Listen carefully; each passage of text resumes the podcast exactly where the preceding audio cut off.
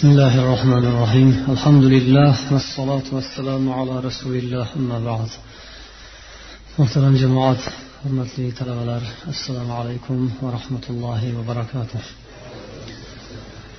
ulug' parvardigorimizga behad shukrona hamdu sanolar maqtovlar olqishlar bilan rasulullohga salotu duolar bilan salomlar bilan bu muborak kecha suhbatimizni boshlaymiz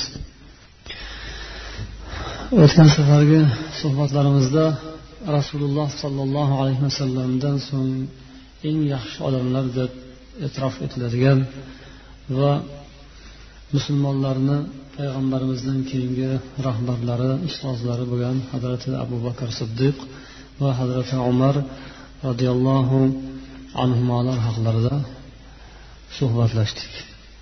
Bugun inshaalloh navbat bilan hazrati usmon bin affon roziyallohu anhuga kelamiz. Bu kishi payg'ambar sollallohu alayhi vasallamni marhamatlariga allohning marhamatiga rasulullohning ham maqtovlariga sazovor bo'lgan va sharmu hayolari bilan uyatchanliklari bilan boshqalardan ajralib turadigan ulug' bir sahobiy.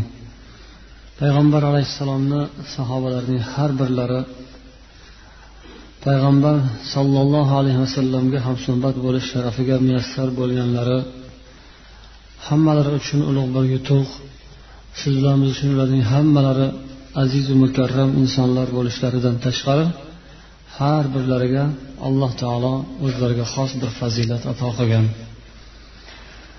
Hazrat abu bakr siddiq rahmdilliklari bilan ko'ngillari yumshoq mehru shafqatlar haddan ziyoda ekanliklari bilan nom chiqargan bo'lsalar hazrat umar esa adolatni haqiqatni yaxshi ko'rishlari adolatga judayam qattiq berilishlari shu adolatu haqiqat yo'lida qattiqqo'lliklari bilan butun olamga mashhur bo'lgan zot.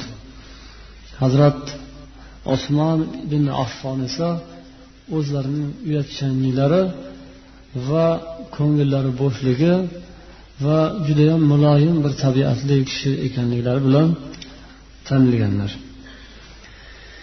Bu kishi ham tug'ilishlari tavallud topishlari johiliyat zamonasida boy badavlat xonadonda bo'ldi. Otalari judayam bir mashhur tojir savdogarlardan edilar.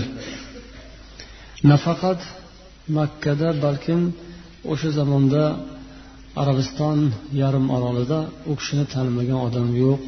Shu darajada mashhur bir savdogar odam badavlat kishi edilar. Hazrati usmonning yoshliklari ana shu badavlat xonadonda ayshu ishratu kayfu safoga berilgan bir xonadonda o'tdi. Odatda shunday boyu badavlatlarning xonadonida o'sgan bolalar ko'pincha kekkaygan taltaygan injiq hovliqma bo'lib qolishlari ko'pincha kuzatiladi. Ya'ni shu erkalik yoshlik go'daklik chog'idan nima desa hammasi muhayyo bo'lib qolishi otasi onasi qo'lini qayoqqa uzatsa yetadigan badavlat baquvvat shaxslar bo'lganlaridan foydalanib farzandlari taltayganroq bo'lib qolish holatlari kuzatiladi. Ammo alloh taolo saqlasa qanday sharoitda o'ssa ham qanday holatda bo'lsada allohning marhamati nasib bo'lsa bo'laverar ekan. Hazrati usmon ham ana shunday yoshliklaridan boshlab olloh u kishiga nazari marhamat etgan ulug' kishilardan edilar.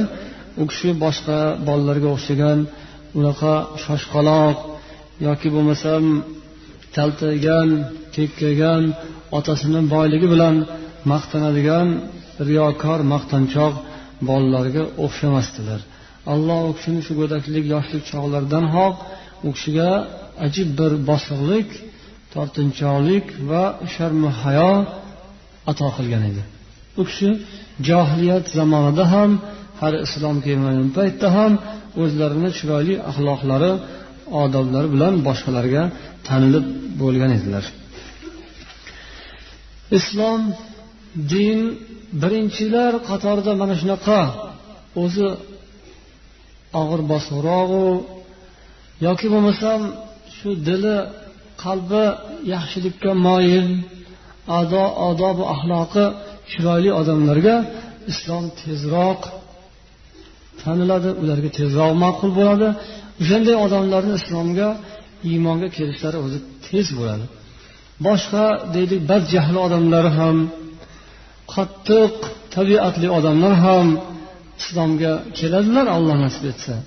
Ammo tajribada hayotda ko'rilgani shunaqa bo'ladiki insonni agar shunday bir tabiatan qanday muhitda o'sgan bo'lsa ham alloh unga bir chiroyli yaxshi tabiat nasib etgan bo'lsa islomga kelishi ham tezroq bo'ladi. Bu kishi ham islomda eng birinchilar qatorida payg'ambar sollallohu alayhi vasallamni da'vatlariga birinchilar qatorida javob bergan musulmon bo'lgan kishilardan bo'ldilar va islomlarini e'lon qilib iymonlarini e'lon qilganlaridan keyin boshqalarga o'xshab bu kishiga ham aziyatlar kofiru mushriklar tomonidan dushmanliklar yomonliklar ustma ust yog'ila boshladi. Birinchi marotaba habashiga hijrat qildilar bu kishi ham. Undan keyin esa yasribga boshqa musulmonlar bilan birga hijrat qildilar. Dinlarini e'tiqodlarini saqlash uchun hijrat qildilar. Moli dunyolari davlatlarini uchun emas. Lokin alloh taolo dini diyonatida mustahkam turgan bandasiga dunyoni deb emas dunyo matohini deb emas iymon e'tiqodni deb harakat qilgan insonga agar olloh yozgan bo'lsa qayerda bo'lsa ham beraman desa beraverar ekan. Bu kishi islomdan oldin ham boy badavlat odamning farzandi badavlat xonadonning farzandi bo'lgan bo'lsalar islomga kirganlaridan keyin ham xudoyim bu kishini kam qilmadi. Mol davlatlarini yana ham ziyoda qilsa ziyoda qildiki ammo kamaytmadi. Bu kishi ham topganlarini dunyolarini ollohni yo'liga sarf qilib yurardilar hech boshqa bir kishilarda ko'rilmaydigan misli ko'rilmagan darajada bu kishi olloh yo'liga deb payg'ambar sollallohu alayhi vasallamga dunyolarini shunday oyoqlarini ostiga keltirib tashlar edilar. Tabuk g'azvasiga tayyorgarlik ketayotgan bir paytda bu kishining o'zlari payg'ambar sollallohu alayhi vasallam huzurlariga kelib alloh taolo yo'liga shu jihodga ishlatarsiz deb to'qqiz yuz qirqta tuya hadya qilgan ekanlar. Oltmish dona ot to'qqiz yuz qirq dona tuya berdilar. Va yana o'n ming dinor oltinni qoplarda olib kelib rasulullohni oyog'larini tagiga to'kdilar. Umrlari davomida mana shunday ulug' sharafli ishlarni xudoyim bu kishiga nasib etdi.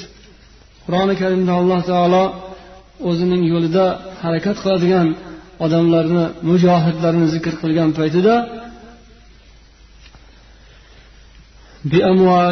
va anfusihim degan ya'ni alloh taolo yo'lida jihod qiluvchilarni jihodlarini ta'rifini aytganda molu dunyolari bilan va jonlari nafslari bilan degan oldin moli dunyoni zikr qilgan.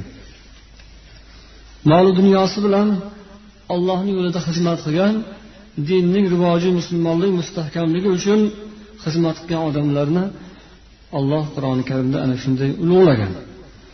Bundoq kishilar tarixda musulmonlikda juda ham ko'p bo'lganlar.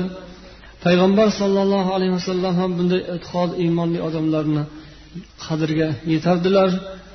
Bu kishini dunyosi uchun emas e'tiqodi dini uchun. Dunyo bergani uchun emas balkim e'tiqod ixlosu muhabbat bilan din islomga xizmat qilganlari uchun payg'ambar sollallohu alayhi vasallam ikkita qizlarini ketma ket bu kishiga berganlar. Shundan zinnurayn degan bir nom ham qozonganlar ya'ni ikki nur egasidir.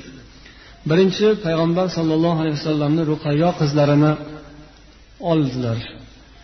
Bu kishi vafot etganlaridan keyin juda qattiq xafa bo'lib qayg'uda qolgan vaqtlarida rasululloh sollallohu alayhi vasallam ikkinchi qizlari ummu kulsumni ham bu kishiga turmushga berdilar.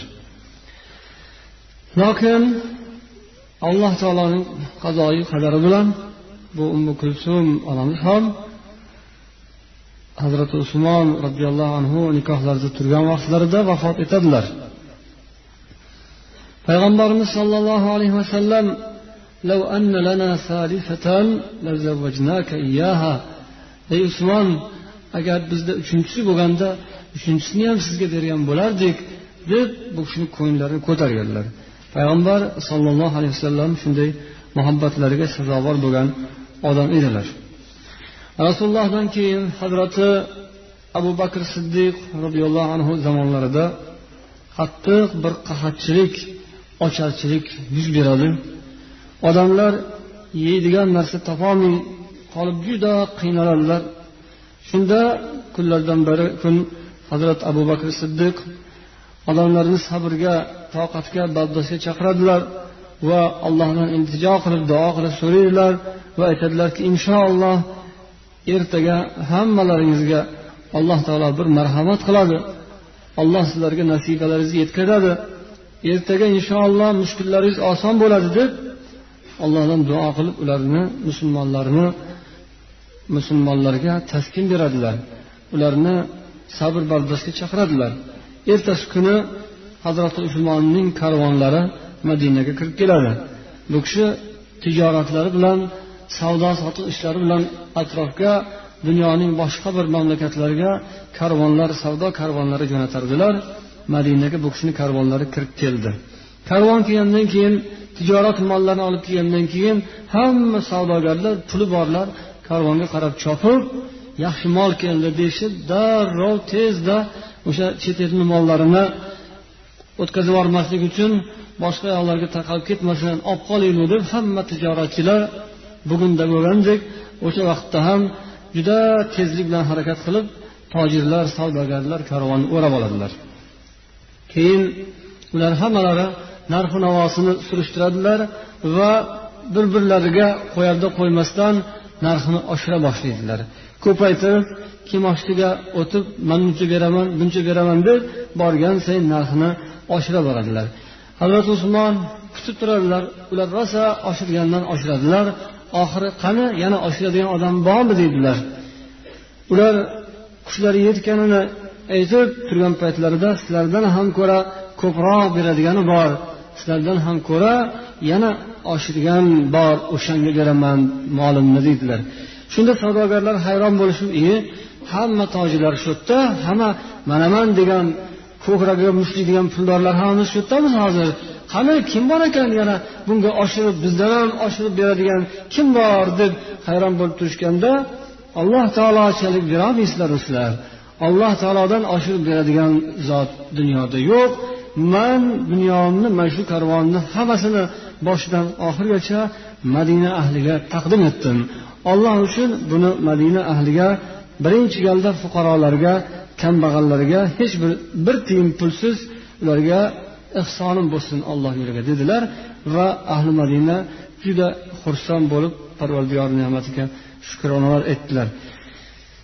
Bu kishini hayotlaridan ba'zi bir lavhalar bu kishini shunday bir saxovatli e'tiqodli mustahkam iymoni mustahkam kishi ekanliklaridan bu bir lavha xolos. Hazrati umar roziyallohu anhu dunyodan ketarkanlar shahid bo'lib dunyo bilan xayrlashgan xayrlashayotgan vaqtlarida o'zlaridan keyin kim xalifa bo'lishini tayinlamadilar. Hazrati abu bakr siddiq esa tayinlab ketgan bo'lsalar hazrati umar bir necha kishini nomini aytdilaru mana shular maslahat qilishsin va xalifalikni shular masalasini hal qilsinlar deb vasiyat qildilar. Ba'zi o'zlarini nomzodlarni aytdilar mana shu mana shu odamlar deb. Shularning ichlarida hazrat usmon roziyallohu anhu ham bor edilar. Ammo aniq tiniq qilib mana shu odam xalifa bo'lsin deb aytmaganlar. Musulmonlar o'zlari kengashib kelishib ixtiyorlari bilan hazrati usmonni xalifa qilib sayladilar. Balkim hazrati usmon roziyallohu anhu musulmonlarga bu tajriba bo'lsin ularni ixtiyorlari o'zlarida bo'lsin. O'zlarini boshliqlari o'zlari xohlab tanlab saylab olsinlar degan bir mulohazada bo'ldilarmi? O'zlari adolatni yaxshi ko'radigan zot bo'lganlari uchun o'zlaridan keyingi ishlarni ham tayinlab o'zlarini nomlari bilan qilishni xohlamasdan adolat bilan o'zlari hurriyat bilan erkinlik bilan boshqalarini saylab olsinlar dedilarmi? Xullas u kishi tayinlamasdan qoldirdilar. Mo'min musulmonlar shunday qilib hazrati usmon roziyallohu anhuni o'zlariga boshliq qilib oldilar. Hazrati usmon roziyallohu anhu xalifalikni qabul qilib musulmonlarga rahbarliklarini davom ettirar ekanlar. Avvalgi o'sha tabiatlari o'sha rahmdilliklari o'sha muloyimliklari davom etardi. O'sha saxovatlari qo'llari ochiqligi o'shandoq edi bu kishining zamonalarida islom mamlakatining chegaralari juda ham kengaygandan kengayib ketdi. Musulmon bo'l avvalda musulmon bo'lmagan hazrati usmon roziyallohu anhu zamonlarida islomga kelganlarni ishlarida arablardan boshqa millat vakillari ham juda ko'p edilar. Hindlaru turklaru forslar ko'p xil millatlar musulmon bo'lib islomga kira boshladilar. Islom davlatini chegaralari kengaygandan kengayib ketdi. Bu vaqtda musulmonlik rivojlandi. Islom kishilarini kasbu korlar ham turli tuman bo'lib ularning hunarlari san'atlari ularni tijoratlari boshqa dunyoviy kasbu korlari ziroatlari sanoatlari rivojlandi. Ilmlari taraqqiy topdi. Dunyoviy bilimlari ham taraqqiy topdi. Kemachilik sanoati ham shu hazrati usmon davrlaridan boshlanib musulmonlar birinchi bo'lib o'sha vaqtda hazrati usmon roziyallohu anhu zamonlaridan boshlab kemalar yasab dengizlarda jihodlarga ham boshqa mamlakatlarga tijoratlarga ham kemalarni ishlatadigan va avvalda yetib borolmaydigan joylarga shu ilmu hunarlari orqali yetib juda ko'p joylarga islomni yetkazishga mana shu hazrati usmon roziyallohu anhu zamonlarida muvaffaq bo'ldilar.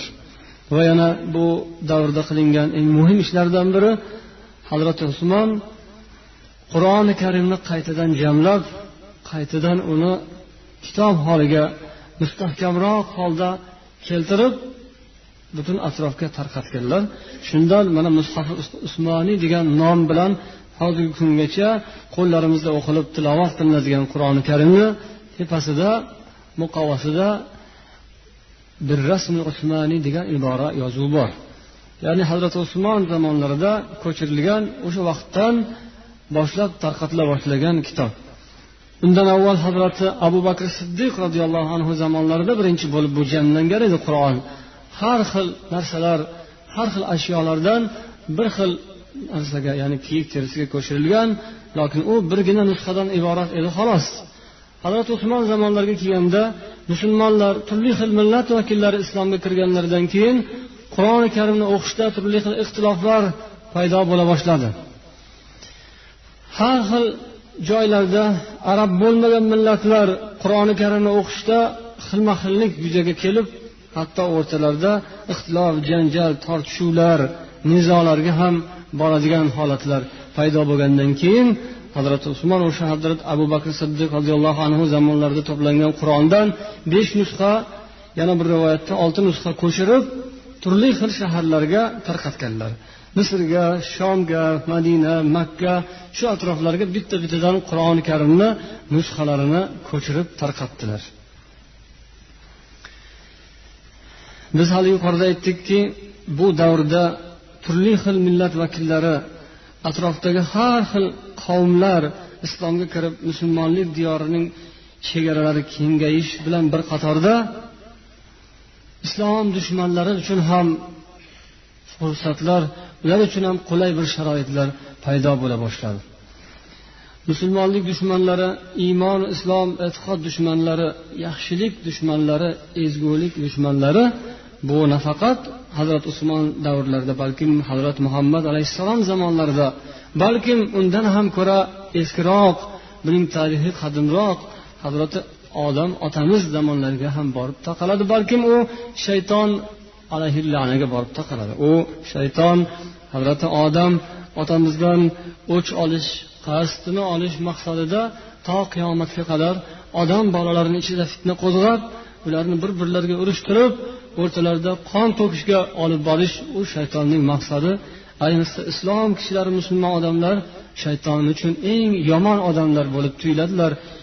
Bu o'ziga qulay fursat qidiradigan bir maxluq mana bu zamonga kelib ya'ni hazrati usmon davrlariga kelib ana shunday fitnalarga ham sharoitlar fursatlar qulay bir fursatlar topilib qola boshladi.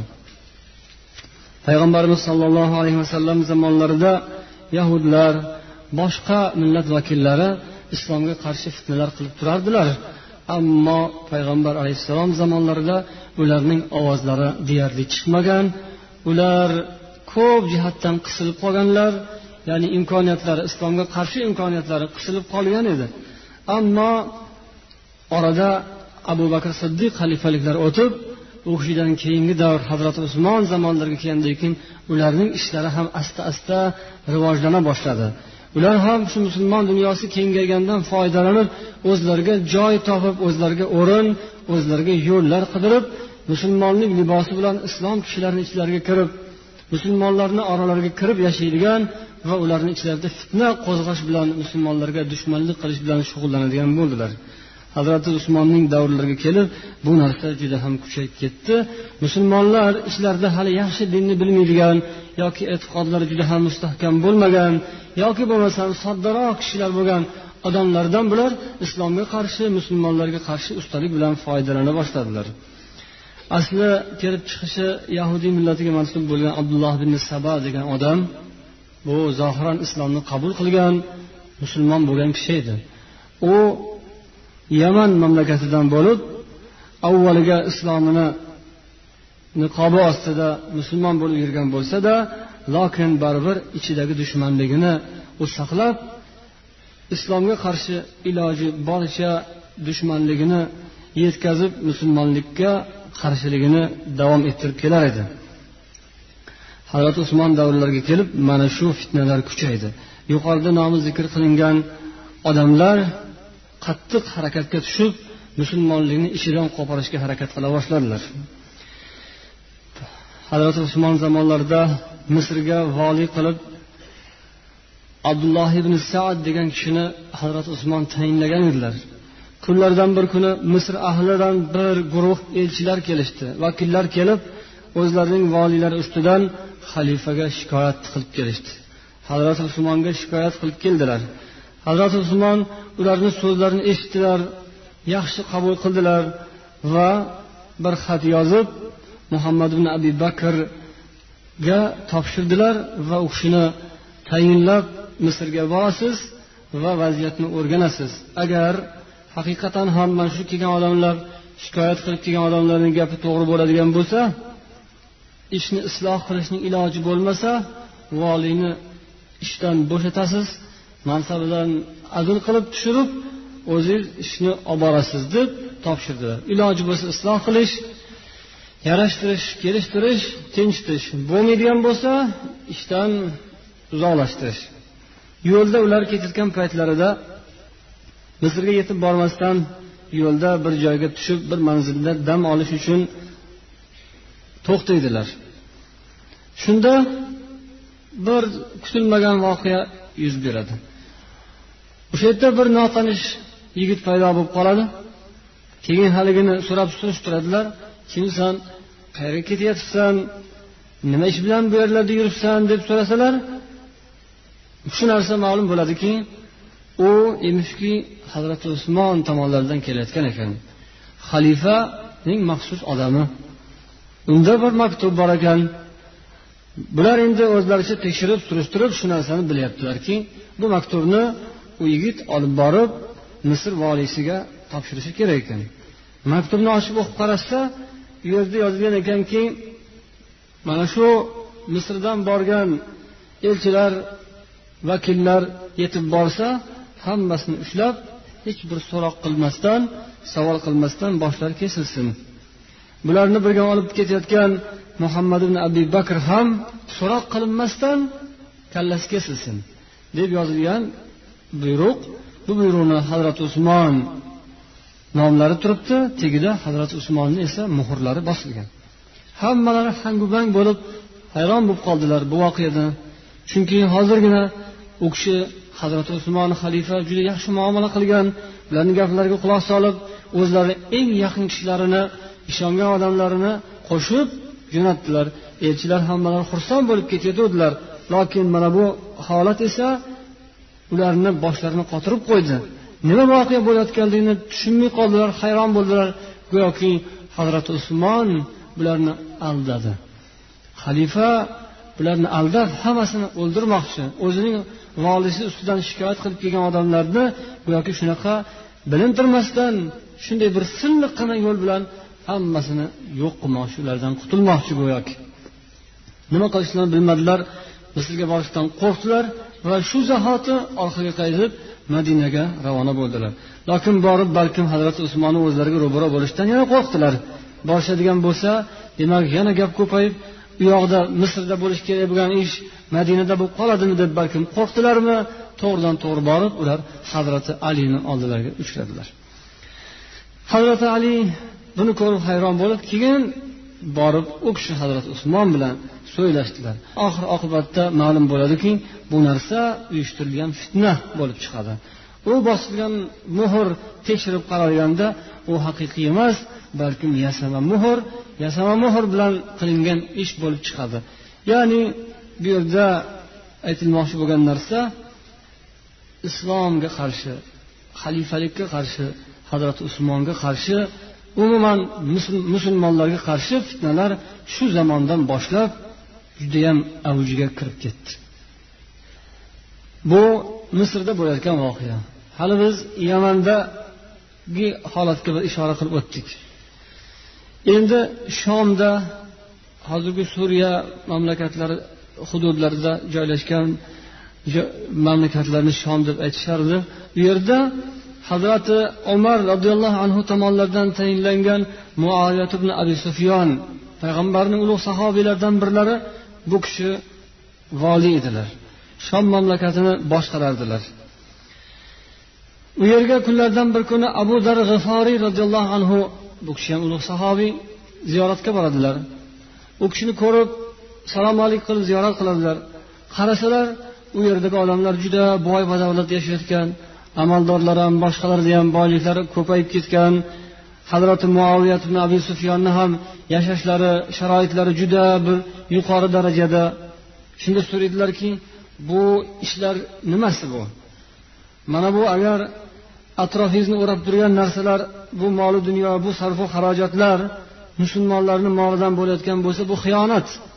Musulmonlarning dunyosiga moliga haqqiga xiyonat qilibsiz. Agar o'zingizni molingizdan qilayotgan bo'lsangiz o'zingizni topgan tutganingizdan shu ishlarga sarf qilayotgan bo'lsangiz unda isrof qilibsiz. Allohni bergan mulkini behuda sarf qilibsiz. Alloh taolo isrof qiladiganlarni yomon ko'radi deb tanbeh berdilar. Bu tanbehlaridan u kishi biroz og'rindilar.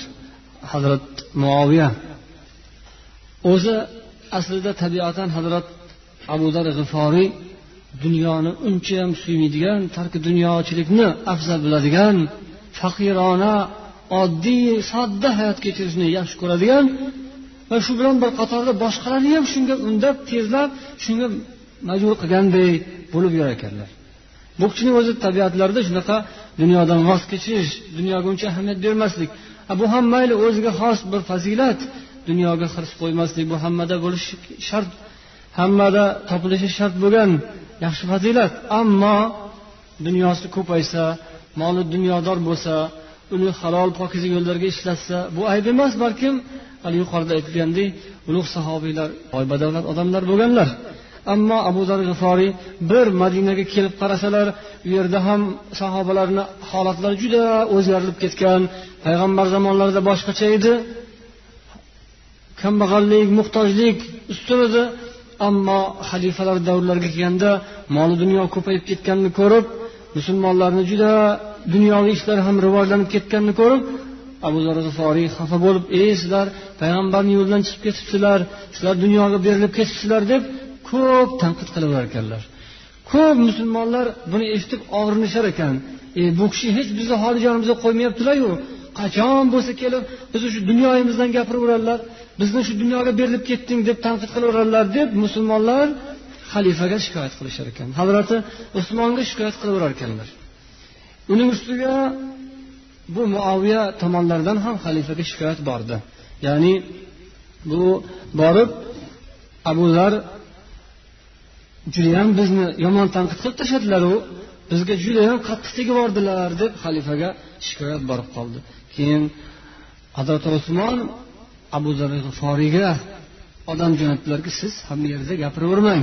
Siz hamma joyda bunaqangi tashviqot yurg'izmang deb u kishini tiymoqchi bo'ldilar.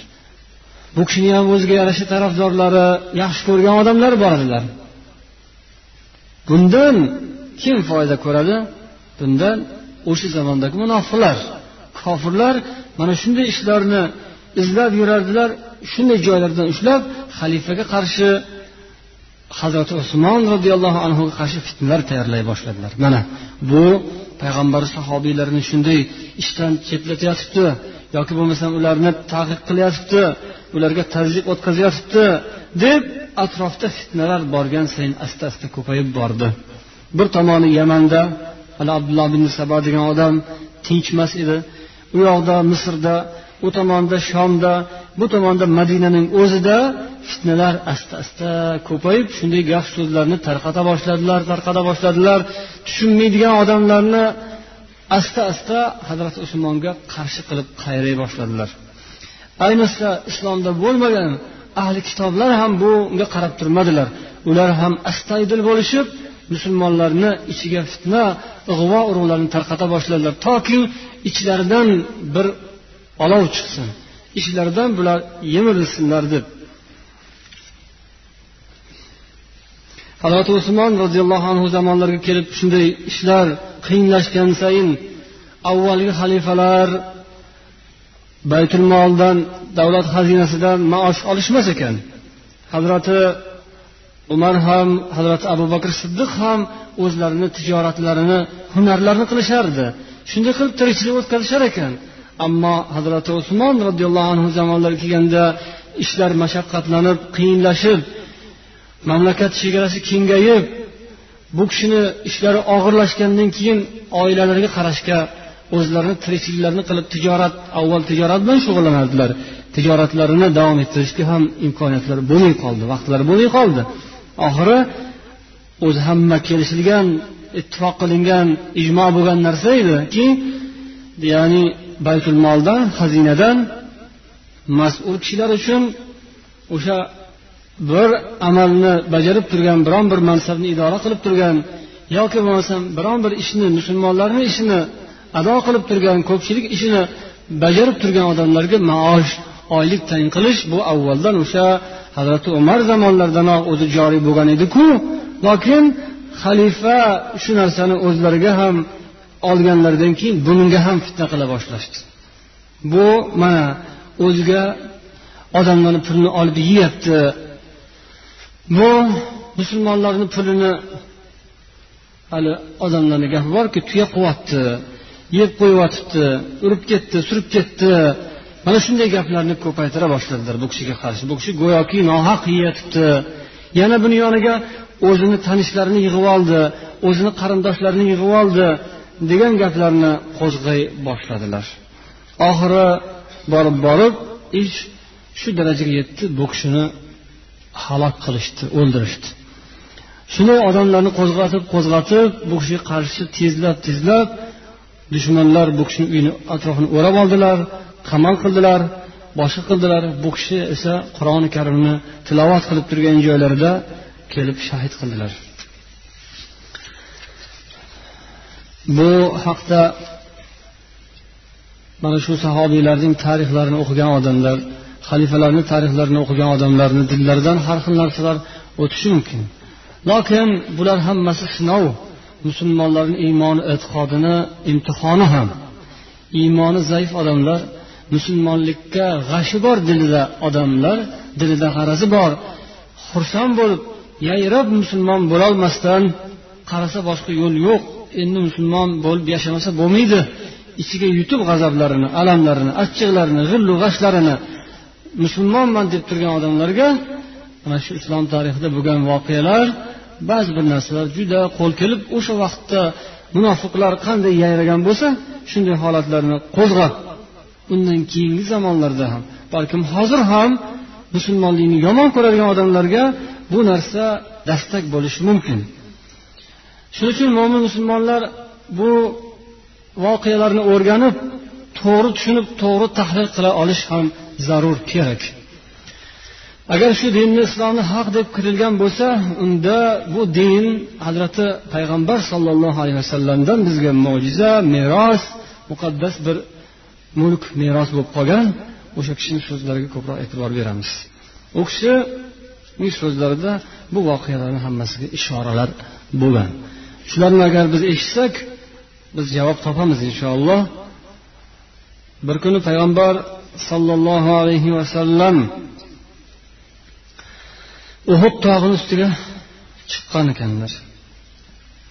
Shunda yonlarida abu bakr siddiq hazrati umar va hazrati usmon roziyallohu anhu bor edilar to'rt kishi uhud tog'ini ustiga chiqqan paytlarida uhud tog'i larzaga kela boshladi. Titray boshladi. Bu payg'ambar sollallohu alayhi vasallam hayotlik vaqtlarida sodir bo'lgan mo'jizalar alomatlar g'ayritabiiy hodisalar ko'p bo'lgan shulardan biri. U kishi masalan xutba o'qigan paytlarida ustiga chiqib bir daraxtni kesilgan tanasini ustida xutba o'qirdilar. U kishiga minbar yasab keltirganlaridan so'ng minbar ustiga chiqib xutba o'qiydigan bo'lganlarida haligi daraxtdan ovoz chiqqan ekan. U daraxt yig'lagan ovozni chiqargan ekan. Ingragan ovoz chiqqandan keyin rasululloh daraxt minbardan tushib borib qo'llarini o'sha daraxtni tanasiga qo'ydilar. Keyin u ovoz tinchidi. Aytdilar agar man kelib tinchitmaganimda bu qiyomatgacha ingrab yotgan bo'lardi deganlar. Daraxtlar rasulullohga salom berardi. Toshlar rasulullohga salom berib gapirgan. Bu payg'ambar alayhissalom mo'jizalaridan u kishini payg'ambar ekanliklarini olloh bildirsa jonsiz narsalar ham sezardi bilardi. Uhud tog'i titray boshladi. Shunda rasululloh sollallohu alayhi vasallam aytgan ekanlarki usbut uhud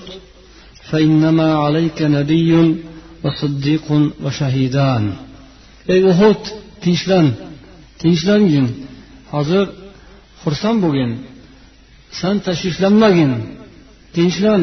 Xursand bo'l. Chunki sani ustingda payg'ambar va bir siddiq va ikkita shahid turibdilar degan ekanlar. Ustingda turgan odamlar ollohni yaxshi ko'rgan bandalari senga bu sharaf deb uhudni tinchitdilar. Payg'ambar o'zlari siddiq hazrat abu bakr siddiq va ikkita shahid. Kimlar? Hazrati umar bilan hazrat usmon roziyallohu anhu bularning oqibatlarini olloh bu kishi bildirgan edi. Yana bir kun rasululloh sollallohu alayhi vasallamning sahobiylaridan birlari hazrati abu muso al ashariy roziyallohu anhu aytadilar bu hadislar hammasini imom buxoriy rivoyat qilganlar. Man bir kun uydan tahorat qilib dinimga niyatimni tugib chiqdim. Man bugun inshaalloh kechgacha payg'ambar sollallohu alayhi vasallam bilan birga bo'layin degan niyat bilan uydan chiqdim. Masjidga bordim. Borsam rasululloh sollallohu alayhi vasallam chiqib ketgan ekanlar. Qayerga ketdilar deb so'rasam falon yoqqa deb bir tomonni ko'rsatishdi dedilar. Keyin o'sha tomonga qarab bordim. Bordim bir aris degan bir joyga boribdilar. U yer bir xurmozor bog' ekan. Shu bog'ni ichida bir quduq bor ekan. O'sha quduqni oldiga boribdilar payg'ambar. O'sha yerga borib bir chetda tahorat ushatib keyin tahorat qilibdilar. O'sha quduqqa ikkita oyoqlarini solib o'tiribdilar. Oyoqlarini shimarib tizzalarigacha ko'tarib oyoqlarini suvga solib o'tirgan ekanlar. Borsam deydilar. Borib man salom berdim. Rasululloh alik oldilar keyin ko'nglimdan o'tdi man endi mana shu yerda o'tirib rasulullohga bir qo'riqchi bo'layin deb o'zimdan o'zim dilimga keldi dedilar. U kishiga qo'riqchi kerak emasku lokin u kishiga hurmat uchun u kishiga ehtirom uchun man shu yerda o'tirayin deb aytdim dedilar. Bog'ni eshigida o'tirdim eshikni tagida o'tirdim eshikni yopib qo'yib payg'ambar u yerda quduqqa oyoqlarini solib o'tirardilar. Shunda dilimdan o'tkazdim mani bir ukam bor edi. Shu ukam hozir kelib qolsa ya. Shu xudoyim kimga yaxshilikni nasib etgan bo'lsa o'sha odam kelib qoladi yov shu ukam zora mora kelib qolsa deb dilimdan o'tkazib turuvdim bir mahal eshik taqillab qoldi. Kim ekan bu deb so'rasam man abu bakrman dedilar. Keyin payg'ambarga xabar berdim yo rasululloh abu bakr kelibdilar. Nima qiling rasululloh aytdilarki ayting kirsin bashorat bering unga jannat bilan bashorat bering senga jannat bo'lar ekan deb xursand qiling kirsin dedilar. Keyin bu abu muso al ashariy aytdilarki yo abu bakr xursand bo'ling payg'ambar sollallohu alayhi vasallam sizga jannat bashora qildilar kirarkansiz dedilar. Kirdilar kelib rasululloh sollallohu alayhi vasallamni o'ng tomonlarida o'tirdilar. O'tirib u kishi ham oyoqlarini shimarib yonlarida oyoqlarini suvga soldilar. Payg'ambar shunaqa qiling deb aytmadilar u kishiga. Lokin bu yerda rasululloh payg'ambar sollallohu alayhi vasallamga mutobaat bo'lsin deb u kishiga ergashish bo'lsin deb shunaqa qiling deb aytilmasa ham lokin shu payg'ambardek o'tirayin man ham payg'ambar shu nima qilsalar o'shani qilayin deyishardi sahobiylar. Payg'ambar sollallohu alayhi vasallamni koni yaxshi ko'rganlaridan shunday qilishardi. Bu bir jihat bo'lsa ikkinchi jihatdan rasulullohga shu o'tirish hozir xush kelyapti ekan. Rasululloh shunday o'tirishni yaxshi ko'ribdilar. Man endi u kishidan boshqacharoq o'tirsam tag'in u kishi mani boshqacha o'tirganimni ko'rib ular ham endi manga o'xshab o'tirib o'tirishga majbur bo'lmasinlar. Shu o'tirishlariga halal bermayin shundoq qanday o'tirgan bo'lsalar qimirlatib qo'ymayinman deb atayin o'sha kishiga o'xshab u kishi ham etiklarini shimarib tizzalarigacha ochib tizzalariga oyoqlarini soqlarini ochib o'tirdilar. Keyin oradan biroz vaqt o'tdi.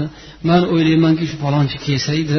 Xudo shu yaxshilik nasib etgan odam kelib qoladida hozir deb turuvdim. Bir mahal eshik yana taqillab qoldi. Kim deb so'rasam man umarman dedilar. Shoshmay turing deb payg'ambar alayhissalom oldilariga borib yo rasululloh umar kelibdilar rasululloh dedilarki alloh jannat basharat berdilar deb xursand qiling kirsinlar keyin u kishi ham kirdilar. Bu yonlariga borib o'tirdilar. U kishi ham xuddi birov aytib qo'ygandek bordilarda xuddi o'shanday holatda oyoqlarini tizzalarigacha shimarib suvga oyoqlarini shunday solib o'tirdilar. Man esa eshikni tagida o'tiribman deydilar. Birov shu yerda o'tiring degan yo'q u kishiga. Qorovul bo'lib turing qarab turing degan so'zni rasululloh aytganlari yo'q. Lokin shorihlar aytyaptilarki bular shuni o'zlariga sharaf deb bilardilar. Rasululloh o'tib turgan bo'lsalar man go'yoki bu kishini yerdan turib kuzatib turayin bu kishiga go'yoki man xizmatda biron bir ishlari chiqib qolsa biron bir zarurat bo'lib qoladigan bo'lsa man tayyor turayin rasulullohni ko'ngillariga biron bir narsa kelib qolmasin degan fikrda xayolda sahobiylar shu darajada payg'ambar sollallohu alayhi vasallamga intilar edilar. O'tirdim birozdan keyin eshik yana taqilladi. Kim ekan deb so'rasam usmon dedilar. Shunda shoshmay turing deb payg'ambarni oldilariga bordim. Yo rasululloh usmon kelibdilar. Rasululloh dedilar biroz to'xtadilar. Keyin aytdilarki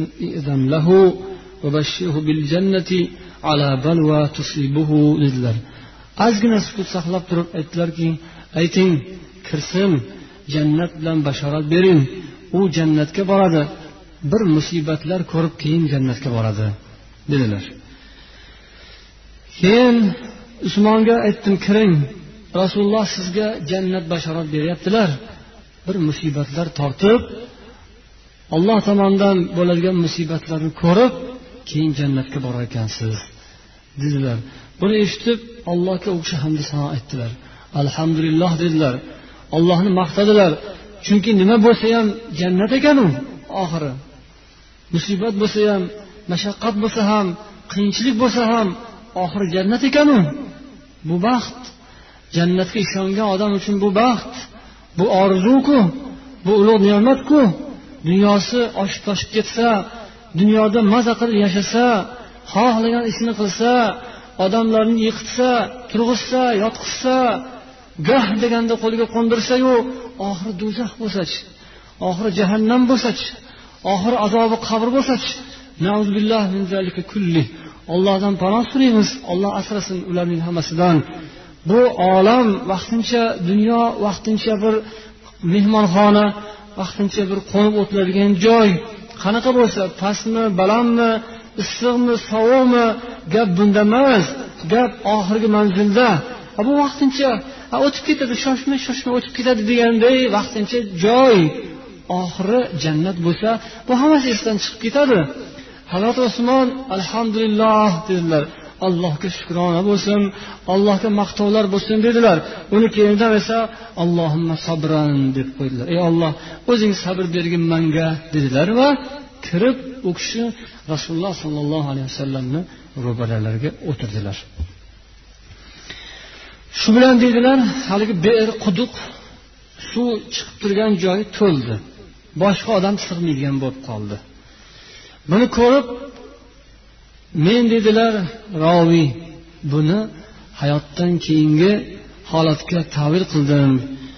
Ya'ni vafot etganlaridan keyin rasululloh sollallohu alayhi vasallam hazrati oysha onamiz hujralariga dafn qilindilar. U kishidan keyin hazrati abu bakr siddiq roziyallohu anhu vafot etdilar rasulullohni yonlariga dafn qilindilar. U kishidan keyin hazrati umar shahid bo'ldilar.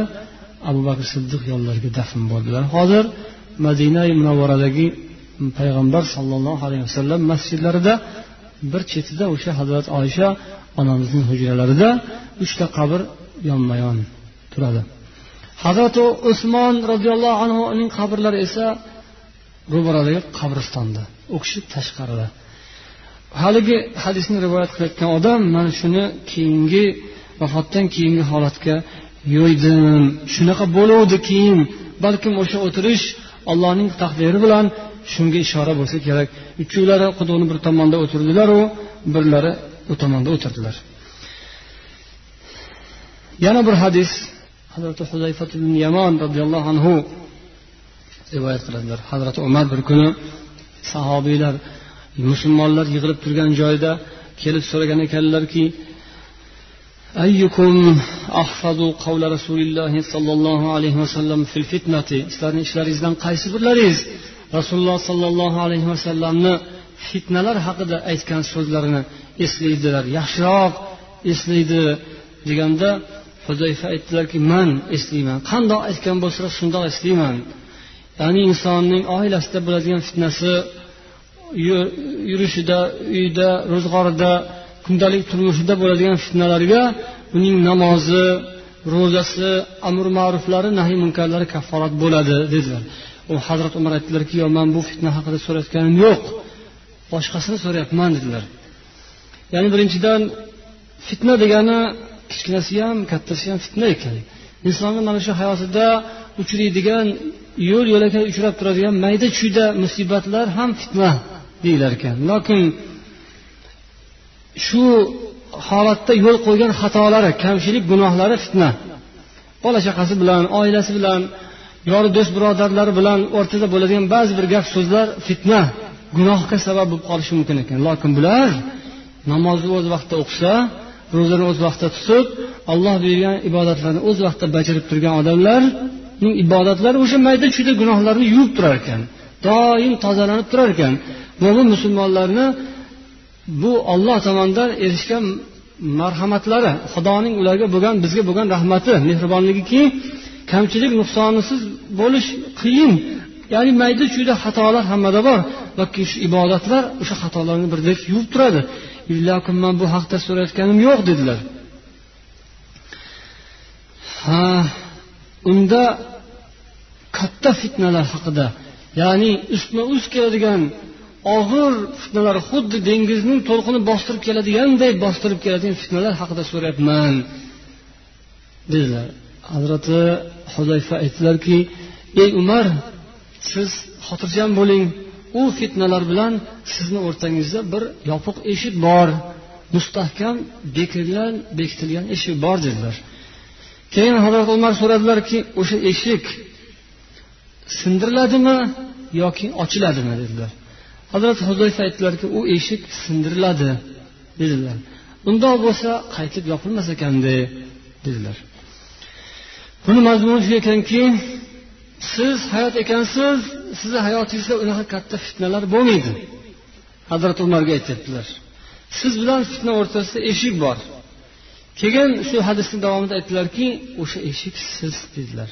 Yoki u eshik o'sha kishining o'zi edi hazrati umar edilar. Fitnalar bilan musulmonlarni o'rtasini to'sib turadigan eshik edilar hazrati umar. Bu eshik ochiladimi sindiriladimi deganda sindiriladi dedilar. Hazrati umar qasr qilindilar shahid etildilar o'ldirildilar. Aytuvdilarki sindirilsa qaytib yopilmas ekan. Singan narsa yopilmaydi ochilsa yopib qo'yish mumkin edi. U eshik ochilmadiyu sindirildi. Sindirilib qaytib yopilmaydigan bo'ldi. Ya'ni qiyomatgacha fitna to'xtamaydigan bo'ldi degan ekan. Endi bu fitnalar hazrati umar roziyallohu anhuning shahidliklaridan keyin boshlandi. Hazrati usmon roziyallohu anhu zamonlarida avjiga chiqdi. Oxiri hazrati usmonni qatl qilish bilan nuqtaga yetib yana u davom etaverdi hozirda ham davom etadi. Bundan keyin ham to qiyomatgacha musulmonlar ichida fitnalar davom etar ekan. Ya'ni bu oldindan aytilgan narsa bu ogohlantirish bu eslatma bu hushyorlikka chaqirish. Mo'min musulmonlar ehtiyot bo'lsalar olloh saqlasa saqlagani.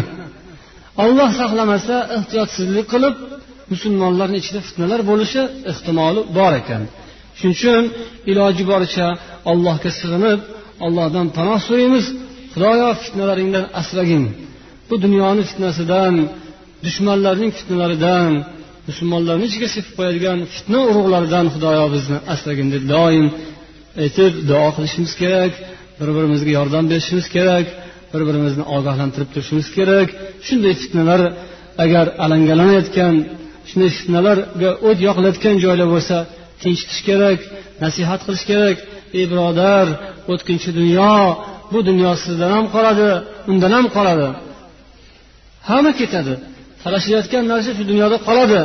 Talashilganlarning o'zi ketadi. Yo do'zax yo jannat. Asosiysi ana u yoqda degan nasihatlarni mo'min musulmonlar bir birlariga qilib turishlari kerak ekan. Allohdan yana so'zimizning oxirida shunday fitnalardan panoh so'rab o'ziga sig'inib qolamiz. Subhanakallohumma va bihamdik. Ashhadu an la ilaha illa anta astag'firuka va atubu ilayk.